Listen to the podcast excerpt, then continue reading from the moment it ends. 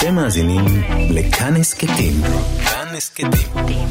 הפודקאסטים של תאגיד השידור הישראלי.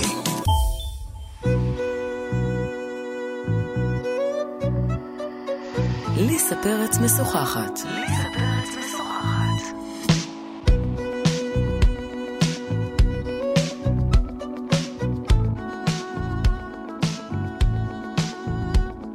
שלום לכם, מאזיני כאן תרבות. באולפן ליסה פרץ, ואני מארחת אנשי ונשות תרבות לשיחה על החיים והיצירה. עורכת התוכנית ענת שרון בלייס, והיום האורח שלי הוא הסופר יוסי סוכרי. רומן חדש, פרי עטו, אמזלג, רואה אור בהוצאת עם עובד בימים אלה. שלום, יוסי. היי, שלום. מה שלומך? אני בסדר גמור, מה שלומך? מרוגש ומחושמל? כן, תשמעי, ספר יוצא, אפילו שזה ספר חמישי, אבל עדיין, כל פעם זה מחדש, מרגש מאוד. אוקיי, אז. משום שהוא יצא ממש בימים אלה, אנחנו נסביר לקוראים, אה, סליחה, למאזינים שלנו, בקצרה, מיהו הדמות הזה, אמזלג. אוקיי. קראת לו בשם המשפחה שלו, נכון. לגיבור שלך. נכון. אז לפני הבחירה של ה... בשם המשפחה, תספר לי מיהו הדמות הזו. אוקיי. עמנואל אמזלג הוא אינטלקטואל, מזרחי, תל אביבי, אה, בעל אוריינטציה פוליטית, גם מהבחינה החברתית וגם מהבחינה הכלכלית וגם מהבחינה המדינית בקונטקסט הישראלי שמאלני. אה, הומניסט מוחלט, בן למשפחה ניצולת שואה. אה, וכל המורכבות הזאת אה, דרה בתוך הנפש שלו בכפיפה אחת. זאת אומרת, הוא אדם אולטרה מורכב, יש בו הרבה מאוד וריאנטים. הוא בטח ובטח אנטי-תטי לסטריאוטיפ הישראלי של הגבר המזרחי. אה, הוא גנדרן. אה, הוא מאורהר הוא מאוד. מאוהר מאוד, הוא רפלקטיבי על כל הוא דבר. כואב מאוד. נכון, הוא כאילו כואב, כל סיטואציה שקורית לו, דברים שהם לא רק פרטיים שלו, אלא דברים שהם קשורים למדינה וקשורים למה, באופן עקרוני ל... וגם לתא המשפחתי שלו, לתא. המשפחתי שלו, ללא צל של ספק. הספר מתחיל ב- בסוג מסוים של uh, כאב משפחתי מאוד מאוד גדול, גירושין, פרידה כואבת וקשה. Uh, קשה מ- לא בגלל שהיא מתרחשת באופן uh, שהוא יותר מדי כואב או קשה, אלא עצם הפרידה היא דבר שהוא צריך להתנתק מהילדים שלו באופן מסוים. זה דבר שהוא קשה. ללא ספק הוא טיפוס מאוד מאוד רפלקסיבי לגבי כל דבר, לגבי היחסים שלו עם הילדים שלו, עם ההורים שלו, עם המדינה שבה הוא חי, עם הסביבה שלו הקרובה והרחוקה. אני, אני מבינה שהספר הזה הוא מאוד מאוד נוח לומר שהוא הוא, הדמות הזאת הכי קרובה אליך. נכון? זה כלומר, נכון. כל, כל מי שאומר, אה, אוקיי, זה יוסי, כן. אמזלג הוא יוסי סוכרי. נכון. ו- וכשאני שואלת, האם אתה מודע לזה? האם כתבת את זה ככה מתוך התודעה הזאת של מישהו דומה לך? כן, באופן עקרוני, תראי, אני אגיד לך שקודם כל כן, אבל ב- באיזה מובן הוא דומה ובאיזה מובן הוא שונה. כן. כי יש לו ישות עצמאית משל עצמו, והוא לא חופף לי במאת אחוזים, ולא גם אולי, אפילו לא ב-50 אחוזים. הקווי המתאר שלו, של אמזלג, הם מאוד מאוד זהים לשלי. כלומר, אני תל אביבי מגיל תשע, כל חיי אני בעיר הזאת, ומכיר אותה מלפני ולפנים, כל קיצורי הדרך שלה, עברתי את כל הדברים שיש כאן. מאוד מאוד אוהב את העיר הזאת וקשור אליה בטבורי. עד היום אני הייתי בהרבה מאוד ערים בעולם, אני בשבילי העיר מספר אחת. אה, אני אינטלקטואל, אני מזרחי, אה, לימדתי פילוסופיה הרבה מאוד שנים, אמזלג עושה את זה. אה, אני בן למשפחה ניצולת שואה, ואני חושב שלהקפיד על חזות ויזואלית, גם אם אתה איש רוח, זה לא דבר, זה לא מילה גסה. ממש לא. אלא ההפך. אני מקווה, את יודעת, כי פה... אתה וברנרד אנרי לוי באותה... הבעיה. שהוא כזה, הוא לא, לא לובש את החולצה פעמיים.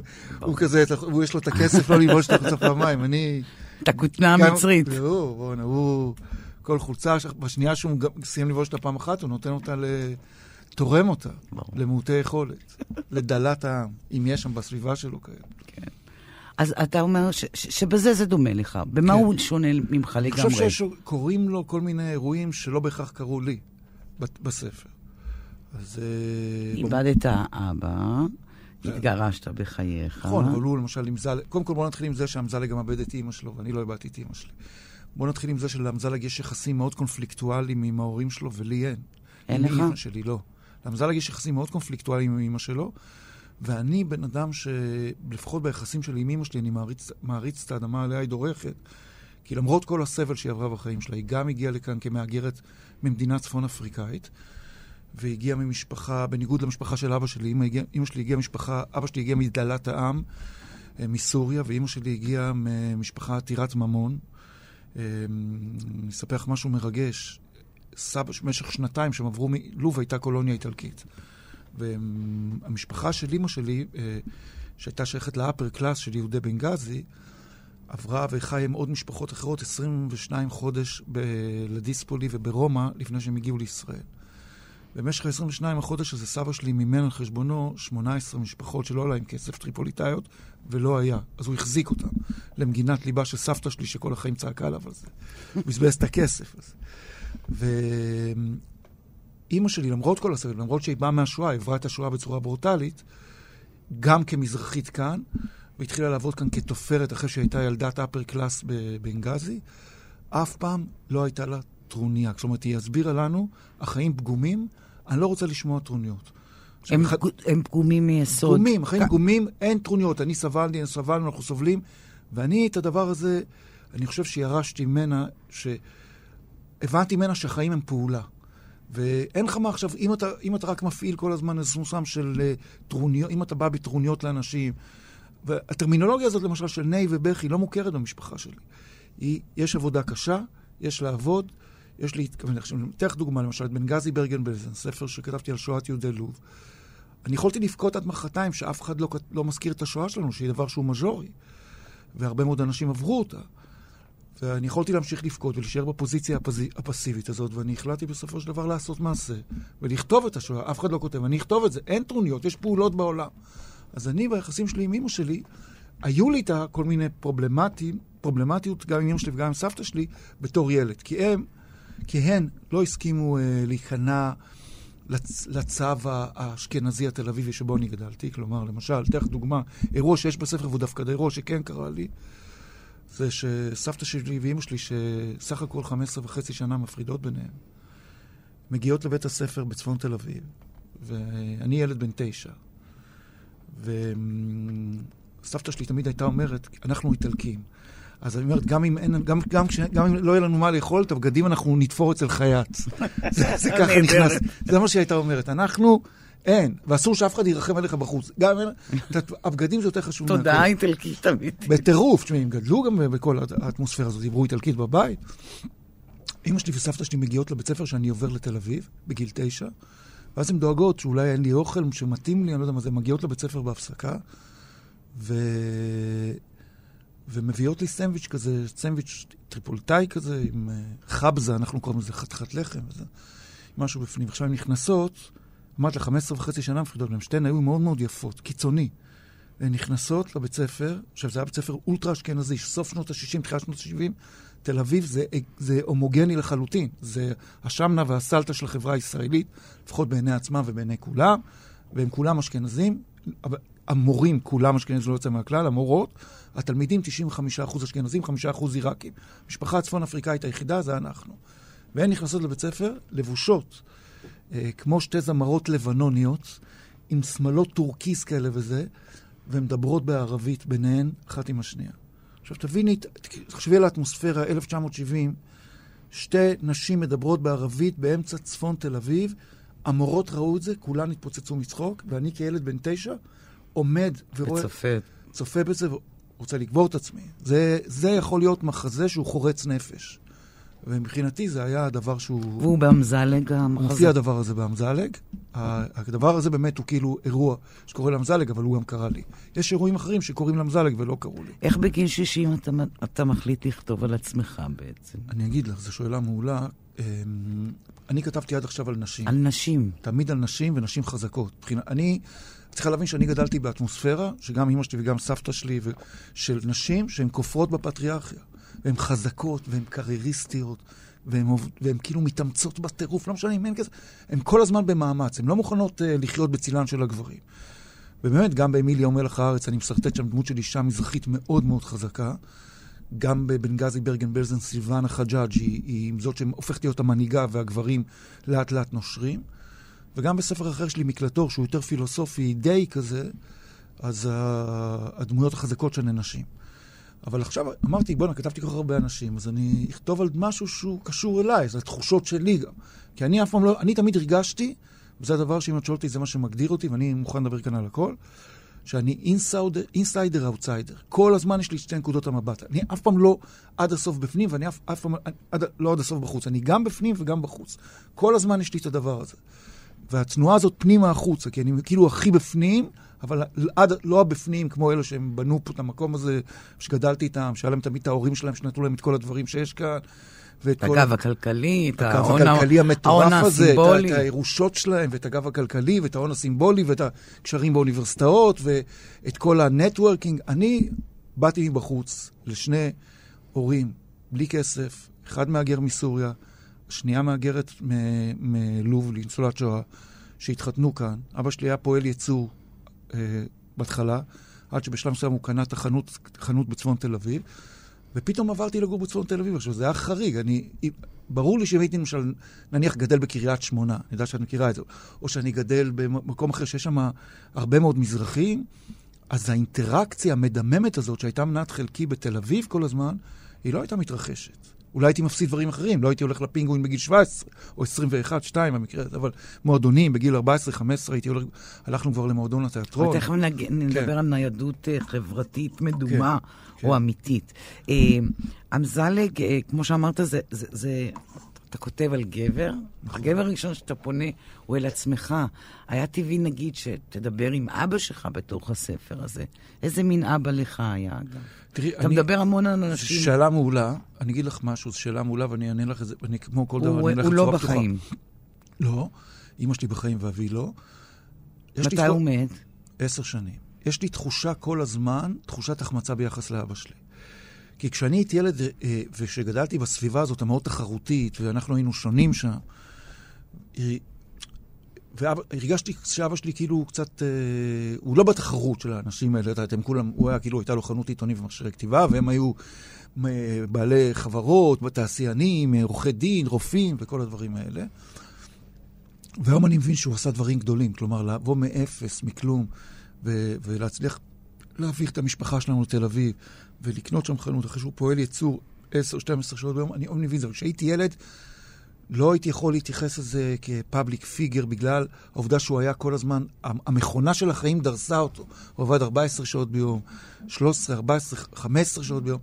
אז הייתי, אני כאילו פניתי לעצמי, כל הזמן גידלתי את עצמי באיזשהו אופן ביחס לאבא שלי, לא ביחס לאימא שלי.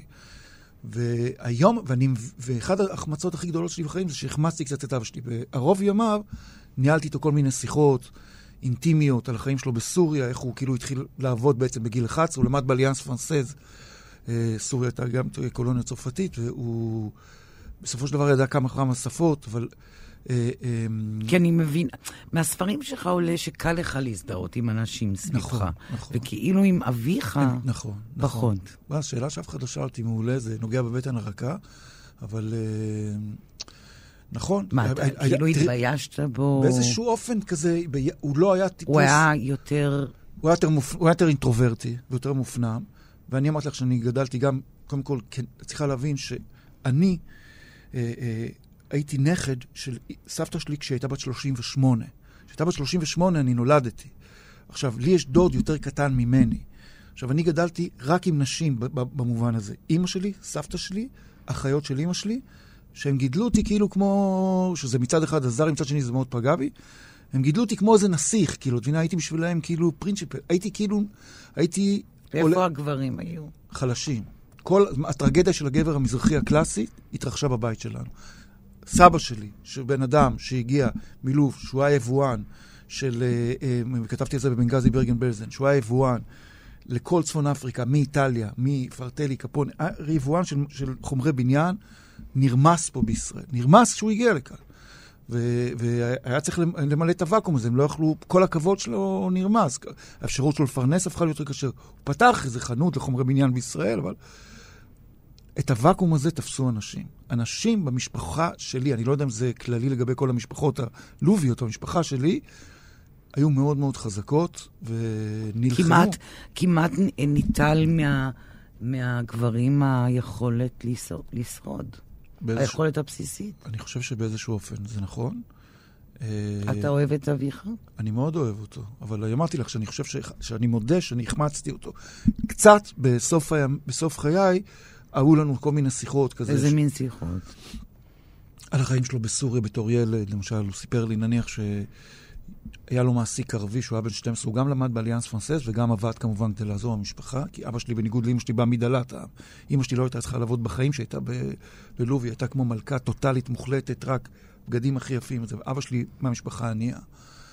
והוא סיפר לי שהוא עבד אצל, היה לו מעסיק ערבי שהייתה לו חנות מאוד מאוד גדולה לכל מיני שקיות כאלה, את יודעת, אה, כמו שקיות גדולות כאלה של בוטנים וגרעינים, משהו ענק כזה, אבל בדמשק.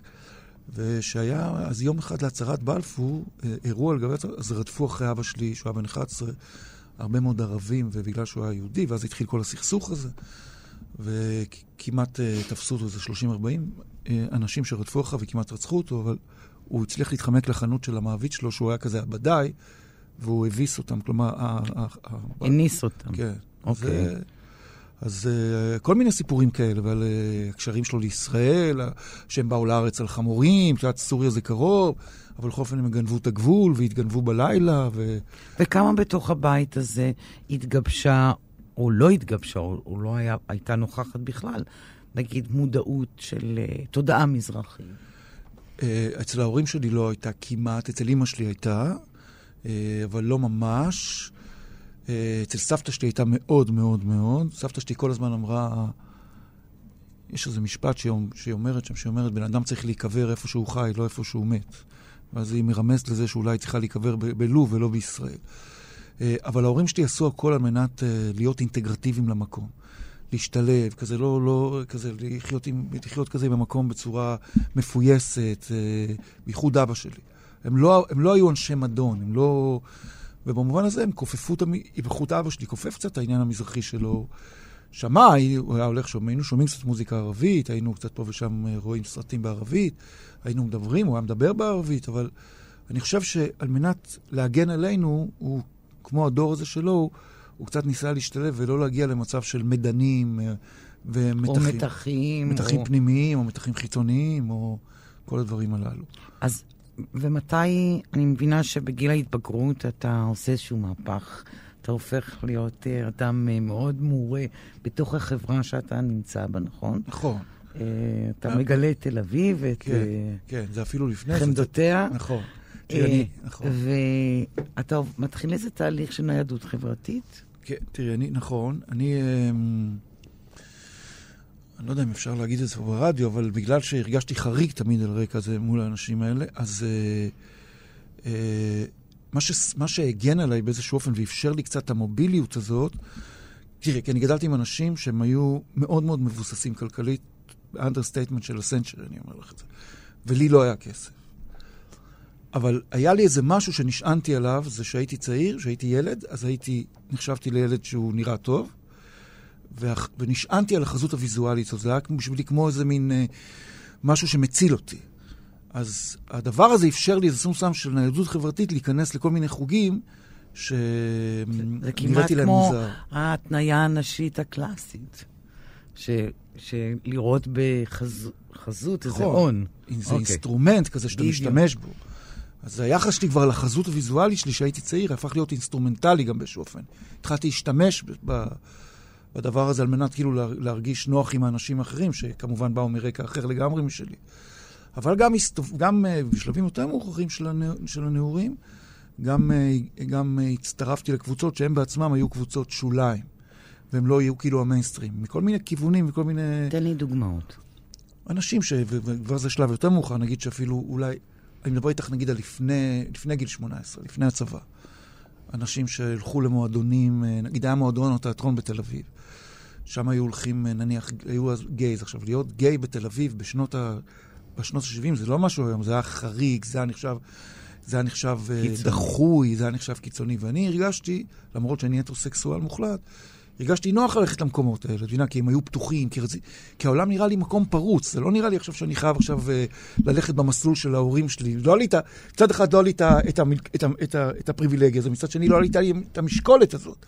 אז בניגוד לאנשים אחרים שהלכו בתוך כל המסלול הזה של ההורים שלהם, רואי חשבון, עורכי דין, מנהלי חברות, אני אמרתי, בואנה, בוא ניפתח על חיים, הלכנו לדברים הקיצוניים, גם מגיל מאוד מאוד צעיר. והכרתי אנשים שבאו לתל אביב, שהם uh, היו אנשים היותר מעניינים בהרבה, שהם uh, עשו דברים שהם... אני הרגשתי מאוד מאוד נוח איתם, כי זה היו אנשים בדרך כלל שהייתה להם אוריינטציה אומנותית, אה, לא אנשים שנמצאים בתוך המקומות המרכזיים של החברה, לא בשדרה המרכזית. וזה התחיל מגיל מאוד צעיר, ו... אני למדתי בתיכון חדש, אבל לא הייתי הולך לבית ספר.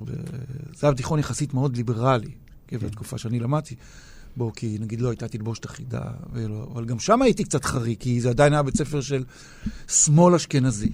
את מבינה? זאת אומרת, ליברלי וזה וזה, אבל אפשר לשחק עם הליברליות, כי יש כסף בבית ויש... אה, יש מתי אבל כל ה... נגיד, סתם, היו לך רגעי קנאה באנשים בסביבה שלך? זו תכונה טובה. תראי, יש לי הרבה תכונות אה, גרועות, אבל זו תכונה מאוד טובה שלי, אין בי קנאה. אני לא אדם מאז שהייתי נער, אין בי קנאה. לא, אני לא אדם קנאי. יש לי הרבה תכונות שליליות, אבל אין, קנאה היא לא אחת מהן. אני לא הכי חרוץ בעולם, אני יותר מדי סומך על השכל שלי. אני, קצת יש לי נטייה נרקסיסטית, שזה דבר נפסד. אה, אבל אני לא... אני לא... אתה לא קינית באנשים לא. תראי, זה, זה לא פשוט לראות את זה שהם כזה חיים חיים פתוחים. ואני כל הזמן כזה, האווירה שלנו היא לא כזאת הכי בטוחה. אבל... אה, זה לא עורר את קינתך. לא עורר בי קינה, זה רק עורר לי כזה, זה עורר בי תימהון, כאילו. איך העולם יכול להיות כזה? זאת אומרת, וזה, דרך אגב, ולכן, כאילו, תמיד, מה שהתקבע בגיל צעיר, והוא נשאר עד עכשיו, תמיד זו הפרספציה שלי, וזו העמדה שלי. גם עכשיו שאני, אם יהיה לי מלא כסף, ואני לא יודע, ויש לי דירה משל עצמי והכל, תמיד אני בעד החלשים. תמיד, תמיד, תמיד, תמיד. תמיד, תמונת העולם שלי, למה אני, למה אני אנטי-קפיטליסט. אה, אני לא הייתי אומר שאני לא נמצא בצד השני של הספקטרום, אבל תמיד, תמיד אני בעד מדינת רווחה, תמיד בעד השמאל, תמיד בעד מיעוטים, תמיד בעד כל סוג של מיעוט. וזה דבר שמתקבע אצלך בגיל מאוד מאוד צעיר. וזו עובדה שאני ראיתי שגדלתי במקום שיש כאלה שיש להם, להם הכל מבחינה פיננסית, ואחרים שאין להם. ואמרתי, בואנה, מה זה הדבר הזה? עכשיו, זה דבר שנשאר אצלך, כי זה הרי לא אמור להיות איזה, זה לא דטרמיניסטי, זה לא אמור להיות הכרח, זה לא דבר שנקבע מראש, זה לא איזה מין גורל או פורס מז'ור כזה, זה לא כוח טבע. אז אה, זה דבר ש... אני חושבת שמגיל צעיר, אם אני, אני קצת מכירה אותך ואת הרקע שלך, אתה לקחת החלטה שאתה תקים בעצם בתוך השושלת שלך את האליטה הראשונה. יכול מאוד להיות. כלומר, כן. החלטה שמעורבת בזה גם השכל, גם כן. היופי, כן. גם הכתיבה. יכול להיות. גם האמירה, אני אינטלקטואל, כן. אני אינטלקטואל מזרחי. כן. כלומר, בתוך המשפחה להגיד, אני דור ראשון לאליטה. נכון. לאליטה. את יודעת מה, זה, זה מאוד מעניין מה שאת אומרת, ואני לא חשבתי אף פעם על זה מושגים. כבר הילדים שלך אבל... יכלו להגיד, אני כן. הילד של בן יוסי סוכר. כן, זה נכון. אה, אתה, כשאתה אומר את אמך, אתה צריך להביא אותה לתוך ספר. נכון. אוקיי? כדי להנכיח אותה. נכון. אז במובן הזה אתה תהיה דור ראשון לאליטה. אני חושבת שלקחת החלטה כזאת. יכול להיות, להיות, תת מודעת, אני לא יכול, אבל זה, זה מעניין מה שאת אומרת. את יודעת מה, לא חשבתי על זה אף פעם ב, בצורה הזו, אבל נראה לי שיש בזה מן האמת. שאני חושב על זה, לא יודע אם זה היה מודע. אבל יכול להיות שבסאב קונשס אמרתי, בוא'נה, אני צריך להעמיד עצמי בעולם כראשון. כדור ראשון ל... יש לי חברים שקוראים לי אליטיסט מזרחי. מזרחים, דרך אגב.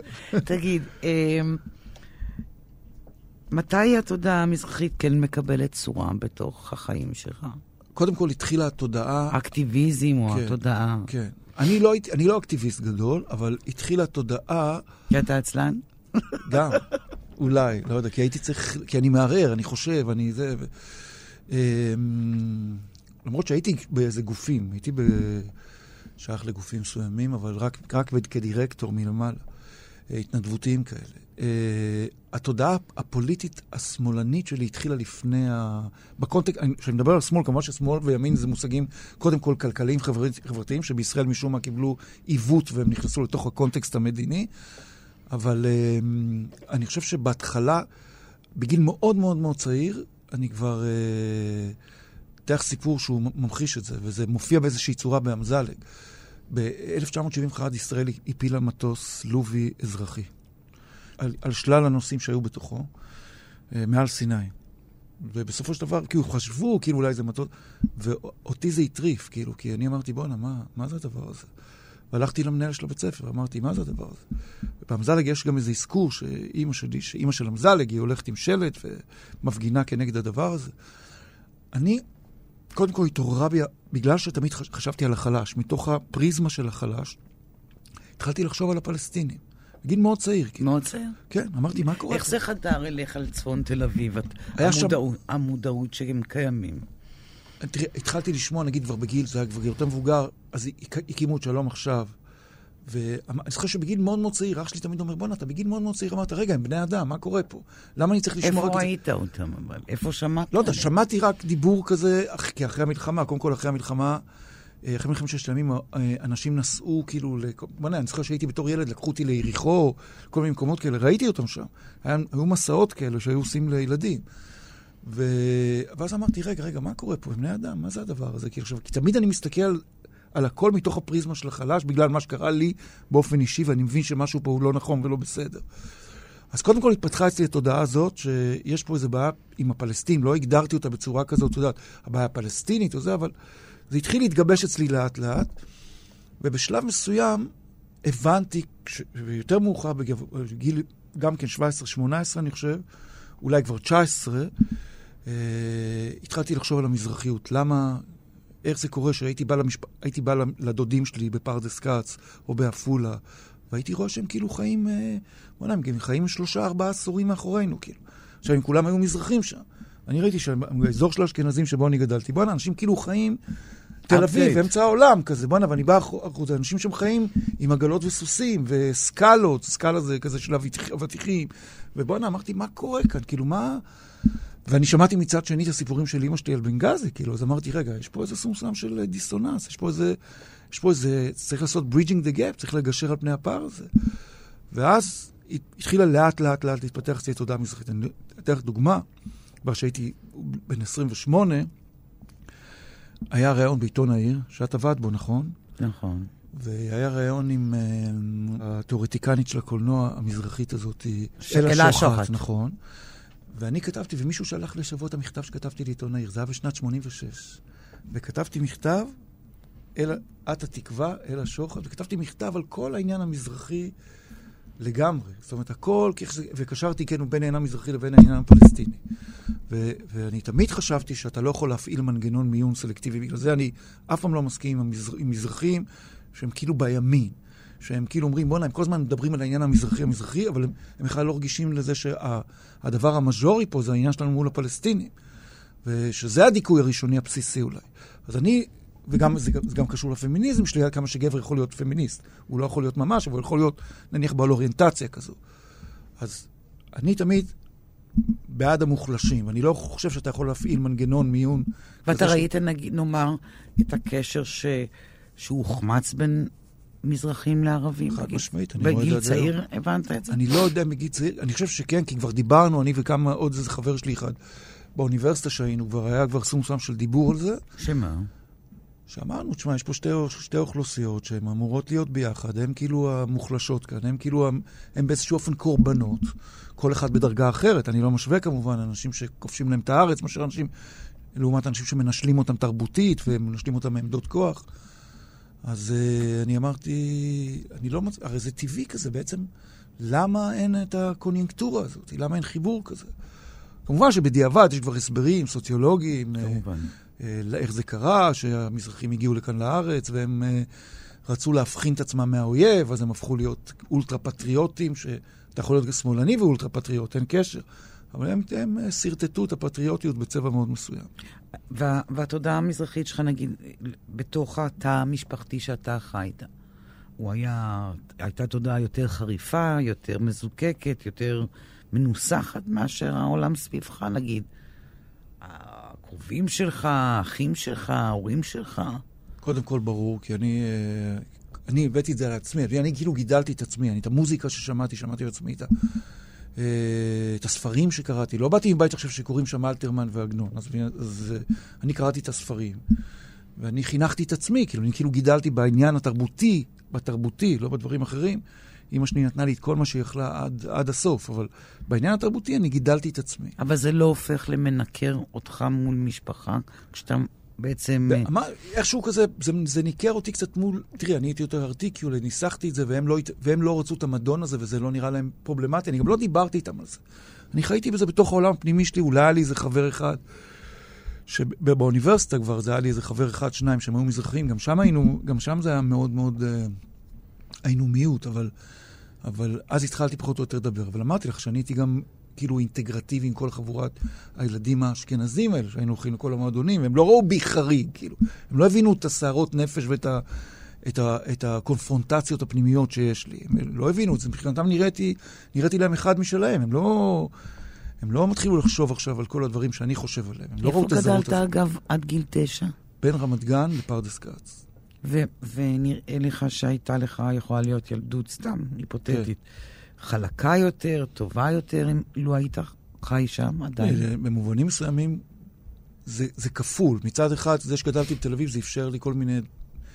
להגיע לכל מיני דברים שקורים. תחשבי, זה, זה, הרי המ- המרחק בין רמת גן ובין פרדס שם הייתי אצל סבתא שלי המון. כאילו, גרנו ברמת גן, אני גדלתי בעצם הרבה מאוד אצל סבתא שלי. המרחק בין רמת גן לפרדס כץ, זה כאילו, איך הייתי, כתבתי שם באיזה ספר, אמרתי, כל יום החלפתי שני אוטובוסים ועולם. זה, אוקיי. זה, באמיליה זה כתוב. אז זה, אבל מבחינת זה שאין לך יחסים קונפליקטואליים עם הסביבה, זה ברור שאם הייתי גדל באשקלון, למשל, מקום כזה, אז כל ה...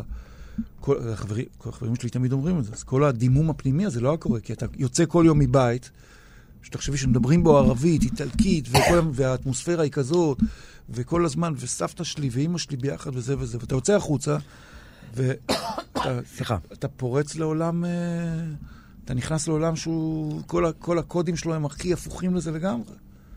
איזה מין אורדינוג, איזה מין, הכל לגמרי שונה.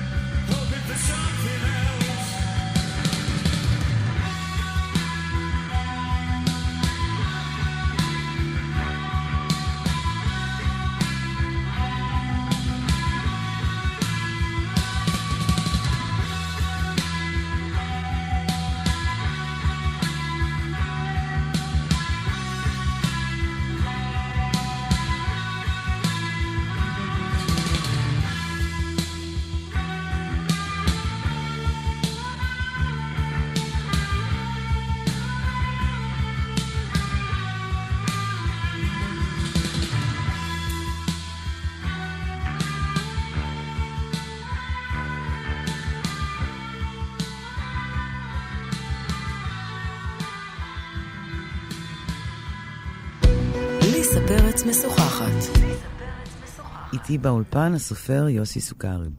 אמזלג, אה, על איזה ציר של גיבורים גברים מזרחים הוא יושב? מי היו האבות של אמזלג בספרות? יש כאלה? אני לא חושב שבספרות העברית יש, כי הוא... הוא זר. למשל, יש, נגיד, יש מולכו שהוא אה, ספרדי. ספרדי, כן. סמ"ט. אבל הוא לא, אה, אמזלג הוא כאילו מבטא כל הזמן את הזרות שלו, את העובדה שהוא לא מצליח להיות אה, נדבך אינטגרטיבי של ההוויה הישראלית. עכשיו, אה, הוא... במובן הזה הוא הראשון, אין, אה, מ- אין מזרחי שעכשיו אמרת, בוא אבל נראו- מי הקרובי משפחה שלו, נגיד, שאתה יכול לחשוב עליהם? אני לא יודע, אולי במובן מסוים, אולי דמויות אצל סמי מיכאל, אבל הוא יותר כתב על עיראק. זה לא מישהו שהוא בארץ, אמזלג הוא ישראלי, הוא גר בישראל, זה לא עכשיו דמות שהוא, שאתה מספר על עיראק, או שאתה מספר, שאתה רואה בספרים נניח של רונית מטלון על אה, מצרים. אה, פה מדובר על ישראלי שהוא ישראלי ולא ישראלי באיזשהו אופן. אני לא חושב שיש לו, במובן הזה הוא... הוא בודד? הוא ארכיטיפ, הוא זה prototype כזה של משהו. הוא לא, הוא לא, הוא הראשון, סליחה, הוא לא... הוא הראשון. כן, הוא הראשון. כאילו הראשון בגנאולוגיה, בשושלת. וואו, איזה אה, אחריות יש עליו, לא? יש עליו אחריות חזקה מאוד, אמזלג, אבל הוא יעמוד בו, בסדר. הוא יעמוד בו? אני מקווה, אני מאמין שכן. הוא ירגיש קצת זר, הוא ירגיש זה, אבל הוא גם יודע ליהנות מהחיים. הוא קרוב משפחה של אמיליה? הוא צאצא שלה? כן, אני חושב שכן, אני לא ספק. או שהוא הגרסה הגברית שלה? לא, אני חושב שהוא כאילו צאצא שלה, זו שאלה מצוינת. שאלה, ש... אני חושב שהוא צאצא שלה, הוא לא, הוא לא הגרסה הגברית שלה, אבל הוא צאצא שלה. כי אמיליה, יש, לה, יש בה הרבה יותר הבנה לאן היא שייכת ולאן היא לא שייכת, ומה היא הייתה רוצה שיקרה בעולם. ואמזלג הוא כל הזמן נמצא במצ... בפוזיציה הזאת של התוהה, ב... של התוהה, של החושב. הוא חושב את הזרות, הוא חושב את שאלת הבית, הוא חושב את שאלת המקום. אמיליה היא לא חושבת את, שאל, את השאלות האלה, היא כאילו אומרת, בואנה, אני באתי מתרבות מסוימת, שהרגשתי בה באיזשהו אופן נוח, עם כל הפרובלמטיות שהייתה שם, ועכשיו אני נמצאת במקום שנשלם ממני את כל הנכסים התרבותיים שלי. ופה אני מרגישה סוג מסוים של עוול מטורף. הוא יש לו את הפריבילגיה להרהר לאמזלג. הוא לס- כאילו, כן. לאמיליה כנראה לא. לא, אמיליה לא הייתה לה פריבילגיה לערער. אמזלג הוא, הוא מאוד רפלקטיבי, כי הוא באמת יכול לעשות את זה. הוא גם, יש בו גם צד בורגני, כאילו, במעמד הכלכלי שלו, בשלב יותר, בשל, בשלב של, יותר מאוחר. אז ב- ברגע שאתה בתוך הבורגנות, בווריאנט כזה או אחר, אז יש לך גם את, ה, את הזמן uh, לחשוב על. הדברים האלה, כן. אתה לא נמצא כל הזמן באיזה מלחמת קיום מטורפת. אתה התחלת לכתוב בגיל מאוחר יחסית. אני התחלתי לכתוב... באיזה גיל זה היה?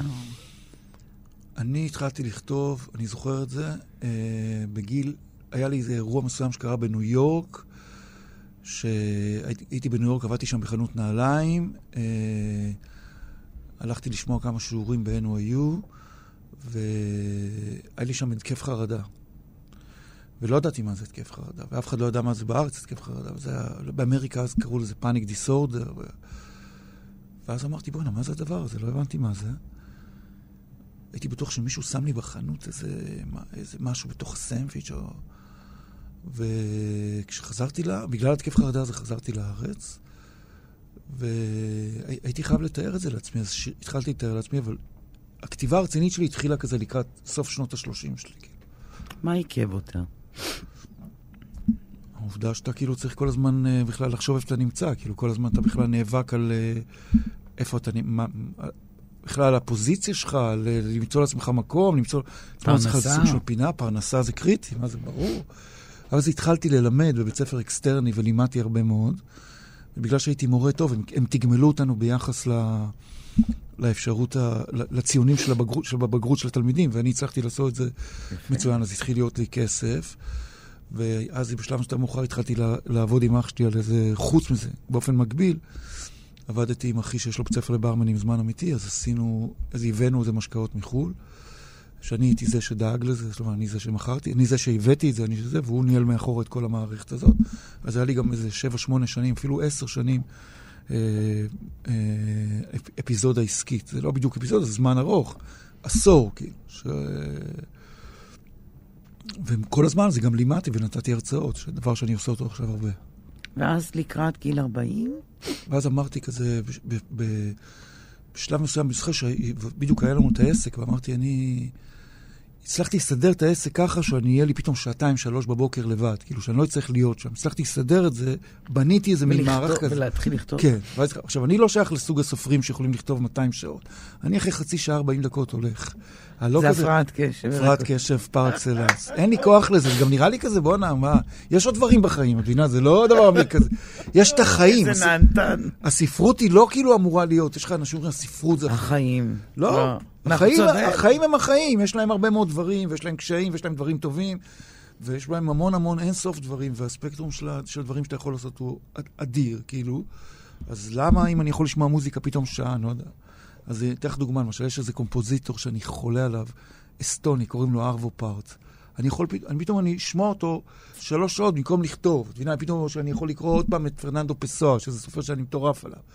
אז אני לא צריך כאילו, כל- למה? לא, בסדר, זה אנשים בתחרות, אני לא בטירוף של אז התחרות. אתה פינית לעצמך בעצם שעתיים, שבהם היית כותב. נכון, כך כתבתי את אמיליה, נכון. פיניתי אותה בבוקר, התחלתי לכתוב את אמיליה, ואז אח שלי אמר לי, שמע, אני רוצה שאמיליה תצליח, אבל אם, אם, אם הספר הזה יצליח, אתה תחליט שאתה סופר, ואז אתה כבר לא תהיה איתי בעסקים, ואז אני אפסיד. אבל הוא אמר, אני מפרגן לך ואני רוצה... ולשמחתי, הספר הזה רואה הרבה מעודדים. ספר שלך כאילו נוכח באופן כל כך חזק בספירה הציבורית, והוא עצבן גם אנשים מסוימים, אבל הוא זכה להרבה מעודדים. אז אתה אמרתי, בואנה, אני ממשיך עם זה, כאילו, זאת אומרת, ותמיד היה לי את הדחף הזה, אבל אין לי את הדחף הזה במובן, תראה, אני, אני לא סובל את זה שאני שומע סופרים שאומרים לך, אני חייב לכתוב, אני חייב לכתוב, חי, אני לא יכול בלי לכתוב. אתה, אם ייקחו לך את המחשב, לא ייקחו לך כלום, אבל אנשים שאין להם אוכל במעלות או בעזה, הם חייבים לאכול. אתה לא חייב לכתוב, אפשר לעשות דברים אחרים. ברור. אתה אומר לך, בוא'נה, אני חייב לכתוב, אחרת אני לא יכול לנשום. בוא'נה, תהיה באזור מוכה רעב באפריקה או במזרח תיכון, הם, הם אה, אנשים שהם חייבים נכון. אוכל. ולכן זה תמיד קצת מצחיק אותי, זה נראה לי פוזיציה קצת אה, בורגנית מתפנקת. כלומר, אה, כתיבת פרוזה היא, היא משנית לחיים. היא לא משנית לחיים, היא דבר מרכזי בחיים שלי, אבל היא לא החיים. אני לא חושב שיש דברים אחרים שאני עושה שהם לא פחות חשובים לי. יחסים שלי עם החברים שלי, למשל, זה דבר מאוד מאוד חשוב לי. כן? מאוד חשוב לי. יחסים שלי עם המשפחה שלי, עם הילדים שלי. יש לי ארבעה ילדים. אז אה, אה, חברים, אני גם לא בן אדם כזה שהוא... אה, את יודעת, אני, אני בן אדם שמאוד מאוד מחשיב חברות. ואני, והחברים שלי עמדו לצידי גם במצבים הקשים וגם במצבים המעולים. ואני תמיד אומר שאחת האינדיקציות לחברות זה לאו דווקא שאתה נמצא במצב קשה, אלא שאתה מצליח. אתן לך דוגמה, נגיד שהיה מחזה על פי הספר שלי, בנגזי ברגן בלזן בניו יורק, מבחינתי זה היה אירוע שיא. אתה מגיע למנהטן ויש אה, כל הקאסט אמריקאי, והם עשו שם מחזה בום על הספר שלי, שפשוט אהבתי אותו נכון. מה- מהשנייה הראשונה עד השנייה האחרונה. והחברים שלי הקרובים, אז הם לא כזה התחילו להגיד למה יש לו מחזה בניו יורק ולי, הם, הם, הם, הם הלכו איתי עד הסוף בזה. עכשיו, זה גם מצב שהוא לא פשוט. זאת אומרת, תחשבי למשל שאם יש לך חברות שקרובות, ואז פתאום את מתמנית לעורכת גלריה ו- או, או, או ספרים, אז, הם, אז זה מה שקובע. והם יגידו לעצמם, אה, רגע, רגע, בוא'נה, אם הן שמחות בשבילך באמת, זה אינדיקציה לחברות, לא פחות מאשר שאת במצב קשה והם עוזרים קשה, לך. ברור. קל לעזור לאדם במצב כן. קשה. אז- לא בטוח שקל לתמוך נכון. באדם מצליח. נכון. אז אני ש- שמח, עכשיו, חברות זה דבר ש... חברות עם האנשים, והם לא אכזבו אותי, חברים שלי. יש לי שלושה, ארבעה חברים שהולכים איתי דרך מאוד מאוד ארוכה, והם כל הדרך איתי. הם מכתיבה? לא, הם לא קשורים בכלל לעולם הזה, הם בכלל לא קשורים... אחד קשור קצת לעולם הרוח, עולמה איתי פילוסופיה, אבל אחרים הם אנשי עסקים. הם לא כותבים. לא קשורים לכתיבה, לא כלום. אני לא, לא מסתדר כל כך, אין לי הרבה חברים סופרים. אין לי כמעט, אני חושב על זה. כן? אולי אחד, שניים. היום כששואלים אותך, "אה, יוסי סוכרי, מה אתה עושה? מה אתה עונה? אני חושב שאני סופר, אבל אני חושב שאני מרצה גם. את מבינה, נגיד, אני מאוד מאוד אוהב ללמד. אני מרצה בהרבה מאוד מקומות, חברות, חברות מזמינות אותי להרצות הרבה מאוד. אה, אני, אה, על, הרבה, על מגוון רחב של נושאים. אני מלמד כתיבה באוניברסיטה הפתוחה. אני סופר. אחרי כמעט, אחרי... אה, חמישה. חמישה ספרים, אז כן. אתה לא יכול להגיד רק סופר? אני יכול להגיד רק סופר, אבל זה לא בטוח שזה מה שאני רוצה. אני לא... לא בטוח שזה מה שמגדיר אותי, רק זה מה שמגדיר אותי. אה, למשל, אתן לך דוגמה, באמת, בעקבות הספר הזה, בנגזי ברגן בזן, הזמינו אותי להרצ... להרצות בעולם על הספר הזה. ככה התחלתי לכתוב את אמזלג. איך כתבתי את אמזלג? יצאתי, עשו לי ערב ב-UCLA, ב-UCSD, אוניברסיטי קליפורניה סן דייגו, בטורונטו אוניברסיטי, באדינברו בסקוטלנד. גופים אה, אה, יהודים הזמינו אותי להרצות, בתי כנסת בלונדון. כי אתה היית הראשון שהעלה נכון. על כתב, נכון. בפרוזה, נכון, את אה, עניין שואת יהודי לוב. נכון. הספר פרוזה הראשון ש, שפורס את שואת יהודי לוב. ואז בלילות הרבה פעמים, גם בניו יורק, יש לי חברים שם תמיד, וזה גם, ב- במיוחד בקליפורניה, שזה קצת יותר נטוש מבחינתי כזה, אז אה, בלילות הייתי שועמם כזה, אז התחלתי לכתוב כאילו את, ה, את הספר הזה, את המזלג. כלומר, כשהיית עם עצמך הייתי עם לבד. עצמי לבד, אמרתי, לך, לך על זה. באמת, יש שם אספקטים שהם חושפנים. אנשים אומרים לי, בואנה, מה, אתה כזה, אתה חושף את עצמך ככה וזה... הג- שאלה פרובוקטיבית. כל שאלה אני אשמח. כן? זה יעליב אותך אם יקטרגו אותך, יקטלגו אותך בתור אה, סופר מזרח, כאילו, שכותב על מזרחים? תראי, זה לא יעליב אותי, אבל בתנאי אחד, שאת כל הסופרים שכותבים על אשכנזים יקטירו כסופרים אשכנזים. זאת אומרת, שאין, שאין שום סיבה שאם דוד גרוסמן כותב כל הדמויות שלו הם אשכנזיות, ועמוס עוז, כל הדמויות שלו הם אשכנזיות, ואהרון אפלפלד, כל הדמויות שלו הם אשכנזיות, מה, הם הישראלים ואני המזרחי, אני ישראלי second אה, מדרגה שנייה? לא. second best? לא. אני אין לי בעיה להיות סופר מזרחי, אני שמח, אבל אתם סופרים אשכנזים. אם אתם לא מסכימים להיות סופרים אשכנזים, אז אנחנו כולנו סופרים ישראלים, בגוונים שונים של הישראליות. ברור. אוקיי. זה תחשבי, למשל, האם יגידו על טוני מוריסון, שהיא סופרת... אה, היא אפרו-אמריקאי. אמריקאית? כן, אבל היא סופרת אמריקאית. אמריקאית. ברור. מי מהספרות היה קרוב אליך ברוח, אתה מרגיש? קודם- כל הספרים, אצלי זה מאוד ברור הדבר הזה. לא, לא הספרים שאתה כתבת. לא, לא הספרים שאני כתבתי בכלל. לא, הס- הס- אני, הספרות שאני אוהב, בגלל שאני באתי עם הפילוסופיה, ולמדתי המון פילוסופיה, למדתי גם באוניברסיטת תל אביב פילוסופיה, אחרי זה למדתי במכון להיסטוריה ופילוסופיה של המדעים, וכל החיים שלי אני קורא ועוסק בפילוסופיה, ויש לי אה, שיג ושיח עם אנשים שהם פילוסופים בעולם ובארץ. אה, אז הספרות שהכי מדברת עליה היא ספרות שיש לה אוריינטציה פילוסופית עמוקה. ולאור זאת, אני יכול להגיד לך למשל, נגיד שפרננדו פסואה, ספר האי נחת זה אחד הספרים הגדולים שאני קראתי ללא ספק, כי הוא... בגללך לא- קראתי אותו.